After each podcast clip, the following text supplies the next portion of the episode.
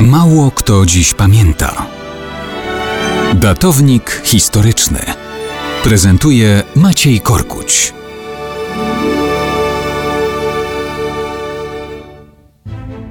Biały dom, białe noce, biała dama, to rozumiem, ale imię Biała w naszych uszach brzmiałoby dziwnie. Dlatego imienia Blanka nie przyjęło się w języku polskim tłumaczyć dosłownie, tylko przeszczepiliśmy je w całości w wersji oryginalnej.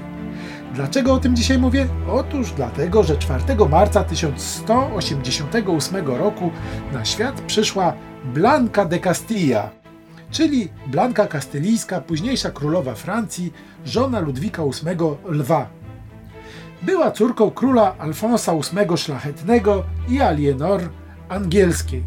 We Francji jej imię tłumaczono. Tam Blanka występuje jako Blanche de Castille, czyli dosłownie biała z Kastylii.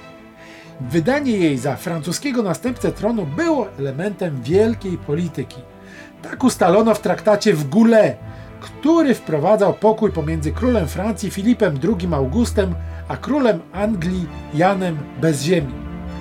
Wątpię, aby wszystkie dziewczynki, które marzą o tym, aby być królewną, biorą pod uwagę, że ich ręka może być załącznikiem do traktatów międzypaństwowych. W przypadku Blanki Kastylijskiej tak było. Jak podpisano, tak zrobiono.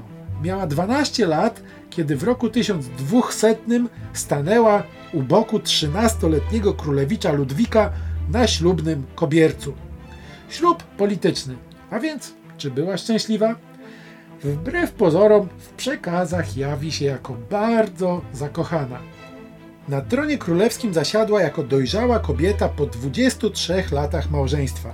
Była królową silną, władczą i zdecydowaną. Potrafiła być oparciem dla męża, ratując go z poważnych tarapat w czasie rywalizacji o tron angielski. Mieli 14 dzieci.